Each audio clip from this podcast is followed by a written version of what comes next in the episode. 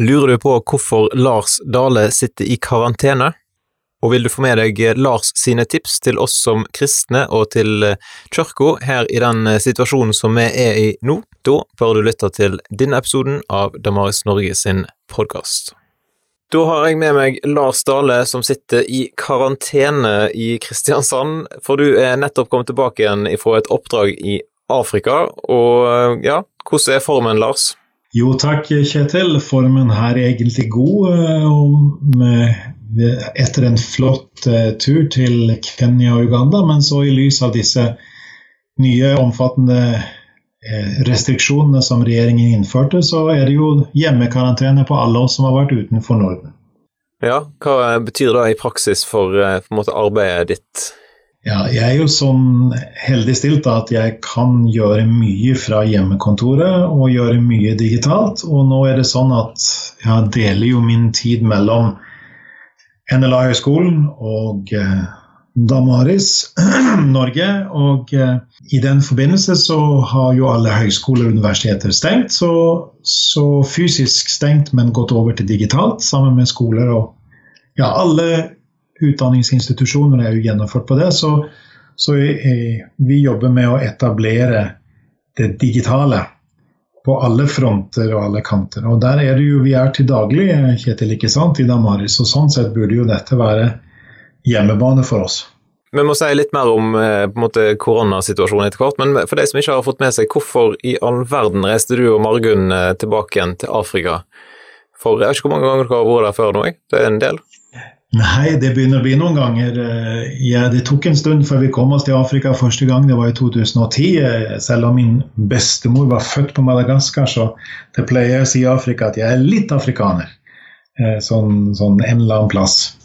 Så hun var misjonærbarn i NMS-sammenheng, i Misjonsselskapets sammenheng i, i Madagaskar. Så, så, jeg vokste opp med, med et levende bilde av Afrika via min farmor og via det den misjonstradisjonen som jeg fikk lov til å vokse opp i. Ja, Vårt første personlige møte var 2010, den store Lausanne-kongressen, den tredje store, eh, som da åpna dørene for oss til, til, Afrika som helhet. Madagaskar i 2011 og fra 2015 Øst-Afrika, Kenya, Tanzania, særlig Uganda mange ganger etter hvert, og et par ganger til Etiopia på Afrikas Horn. Så Kjetil, det er riktig å si at uh, seint, men godt har vi kommet oss på plass også i, i Afrika. Ja, men Hva er det dere har gjort uh, helt konkret? Akkurat nå så hadde vi undervisningsoppdrag.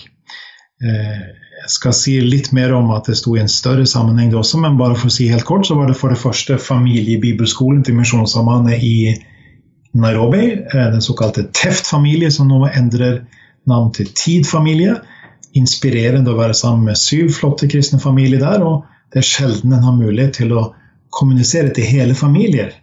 Så det var fint. Og så var vi innom så vidt et par dager og underviste en av bibelskoleklassene fra Fjellhaug bibelskole i Oslo, såkalt Teft utland. Og så medvirka vi på misjonærkonferansen, eller Annual General Meeting, den årlige samlingen i det som kalles Scripture Mission East Africa.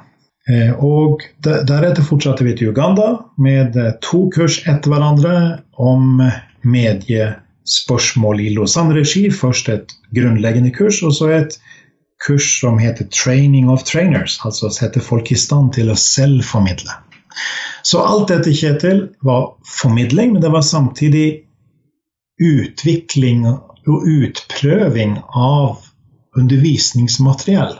Så det vi gjorde, var på en måte primært undervisning, kursing, men samtidig står dette i en større sammenheng fordi vi eh, er opptatt av at dette skal ut, videreutvikles og, og, publiseres som ressurser på norsk, på Snakk om tro f.eks., nettsida til Damaris, eller engagingmedia.info, mediefaglig nettside, ressurssida til Lausanne-bevegelsens mediefaglige nettverk internasjonalt.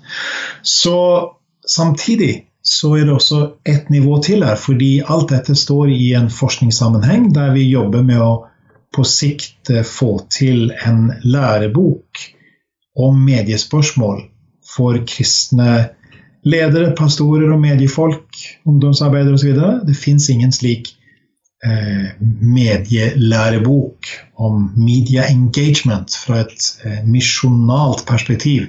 Hva vil det si å være et vitne i møte med mediene, enten vi snakker om dette med medienes eh, stadige budskap og teknologier som vi må leve i det vi kaller mediebevisstgjøring, eller vi snakker om det å være til stede som kristne i mediene eh, som salt og lys, i, i eh, jobbe profesjonelt i mediene, eller å, å, være til stede som kristne stemmer inn i dette. Eller kristne organisasjoner, menigheter og misjonssammenhenger og selskaper sine sin bruk av mediene. Og det er jo ikke minst aktuelt nå i, i disse tider. Så her er det flere sammenhenger og flere nivåer, så vi er privilegert som fikk lov til å ha tre spennende uker bak oss. Ja, Det høres ikke ut som dere fikk slappet sånn veldig masse av eh, når du var på tur? Ja, eh, det er jo inspirerende å treffe gode venner og være sammen. Så vi, vi fikk noen hvileskjær underveis med gode treffpunkt og samtaler og måltider med misjonærvenner og, så, og gode venner i Uganda etterpå. Men eh, helt til slutt fikk vi oss eh, to-tre dager på et gjestehus like ved flyplassen i Entebbe i Uganda, og det var flott. Når du er på tur sånn som dette her, og dere underviser veldig masse forskjellige folk, lærer du noe sjøl? Så absolutt. Og mye av undervisningen her er jo en altså, toveis kommunikasjon, der vi er opptatt av å legge til rette for læring eh, i klasserommet, i kurs, på kursarenaen. Og, og f.eks. den siste delen av dette Uganda-kurset, eh, 'Training of Trainers', var utrolig spennende. Det å, å høre hva folk faktisk med, klarer å få med seg på, på fire-fem dagers kurs. Så vi lærer absolutt hele veien.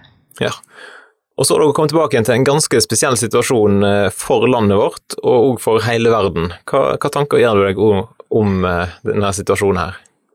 Nei, Det er nesten vanskelig å vite hva en skal tenke og reflektere i møte med dette. Det er helt opplagt at situasjonen er alvorlig, eh, og at vi trenger som kristne å huske på at vi alltid har et forbønnsansvar for myndigheter, for i dette tilfellet ikke minst også for helsepersonell. Og så rammer dette oss. Det er merkelig å komme fra et kontinent som vi er vant til, Afrika, som, som et krisekontinent, og, og, der det var på en måte helt normalt, selv om det er mange, svært mange utfordringer mange plasser, så komme tilbake til en, en, en berettiget krisestemning og situasjon i Norge. Så, så jeg tror vi trenger å huske på at vi som kristne er kalt til å være salt og lys, og kalt til å være til stede på den måten som er naturlig for hver enkelt av oss, med å bistå. Men også, ikke minst, eh, forbønn og omsorg og omtanke er viktig i denne situasjonen. Jeg tror det er mange ensomme mennesker som kan sitte alene og, og grue og frykte dette her. Grue seg for dette og frykte dette. Det, vi trenger å tenke på hverandre. Hva var det statsministeren sa? Vi skal ikke ta på hverandre, vi skal ta vare på hverandre. Det syns jeg var godt sagt. Hva utfordringer ser du sånn spesielt for kirka nå da, i denne tida her? Jeg tenker Det er jo viktig. Kirken har jo et unikt budskap om, eh, om fred, forsoning med Gud, og også uh, om, om, å leve i syndenes tilgivelse og leve i fred med Gud og med hverandre. Og Samtidig har vi et oppdrag til, til å være til stede i samfunnet. Det fins et veldig flott uh, utsagn i Jeremia som heter å, å, å virke for byens fred, byens shalom. Og det syns jeg kom til meg her, eh, reflektere over dette, at vi er kalt til å be for og virke for shalom. Og shalom er jo et hebraisk ord for fred på alle måter. At det som er gått i stykker, skal bli helt igjen. Og det er klart, Da kan det gå på det individuelle, det personlige, det fellesskapet, utfordringer vi møter i hverdagen hver enkelt av oss. Jeg ser for meg at her er det så mange nivåer for oss alle. Så la oss eh, be og virke for shalom, for fred. Også for Damaris spesielt, spesielt, hva, hva utfordringer ser du nå for Damaris Norge? Nei, vi har vel egentlig bare begynt å tenke over hva dette kan innebære. Det er jo selvsagt for alle sammen. Eh, for oss alle så er det jo spørsmål hvor langsiktig er dette. Er det noe som strekker seg eh, helt frem til sommeren, lenger enn sommeren? vi må lage ulike scenarioer i forhold til dette. Men det er jo helt opplagt at siden vi har et fokus på digitale ressurser, så er det viktig at vi ser ansvaret vårt og, og server både skolene vi får lov til å serve, dvs. Si alle de kristne private videregående skolene og grunnskolene, som jo har en helt ny situasjon nå. og Vi har så vidt begynt å tenke på hva det kan innebære, og at vi, vi skal tenke nytt kanskje sammen med de om det. Hva, hva, hva, trenger de i denne situasjonen fremover? Og så ser vi for oss at, at de, ikke minst podkastene til Damaris kan være til velsignelse og til oppmuntring for, eh, håper vi, stadig flere. Ja, Det har vi jo funnet fram litt sånne arkivtaler og seminarer nå som vi skal dele framover. For det vil vel bli noen eh, planlagte arrangement som blir avlyst? Ja, det er jo sånn at vi driver en utstrakt foredrags-, seminar- og kursvirksomhet. Og i øyeblikket så er selvsagt alt det satt på pauseknapp. Og det har jo naturlig nok også økonomiske konsekvenser for, for Damaris, sånn som det har for mange andre på ulike områder i samfunnet i dag. Ja, men det er jo godt på at vi har noen eh, gode seminarer på lager da, som vi kan få lov til å dele, i hvert fall, sånn at folk eh, som hører på podkasten kan få med seg litt eh, videre. Har du en siste en måte, oppfordring og utfordring da, til de som lytter på podkasten nå? Ja, siden vi nå alle har mer mulighet til å, å bruke de digitale online-plattformene våre, så vil jeg oppfordre folk til å ta et søk på Snakk om tro. Her finnes det ufattelig mye godt stoff. Så eh, det, der vil en ikke gå tom for ideer og gode foredragsseminarer, enten det er artikler, eh, lyd, video.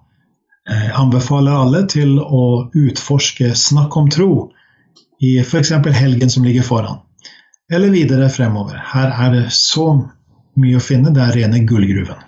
Og Da kan det være at folk får eh, anledninger til å snakke om tro òg, nå i denne situasjonen som er, at eh, folk rundt oss blir kanskje mer nysgjerrig på hva er det egentlig vi kristne nå tenker om situasjonen, og hva tenker vi om Gud. Så, så der vil en jo finne masse ressurser på, på snakk om tro som kan være til hjelp der. Absolutt, og, og, det er en fin mulighet. Og jeg tenker når vi snakker om livet sammen disse dagene eh, og ukene og kanskje månedene, hvem vet, så ligger det naturlig for oss å, å, og da snakke om troen når mulighetene åpner seg. Troen på Gud som skaper, Jesus som frelser og Den hellige ånd som vår fornyer vi trenger å leve i dette, både i forhold til å ha det som en solid kunnskap for oss, og også uh, vite hvorfor vi tror det er sant, og så leve i tilliten til dette personlig. Det er uh, noe vi kan minne hverandre på disse tider. Uh, han Jesus som sa 'frykt ikke, jeg er med dere'.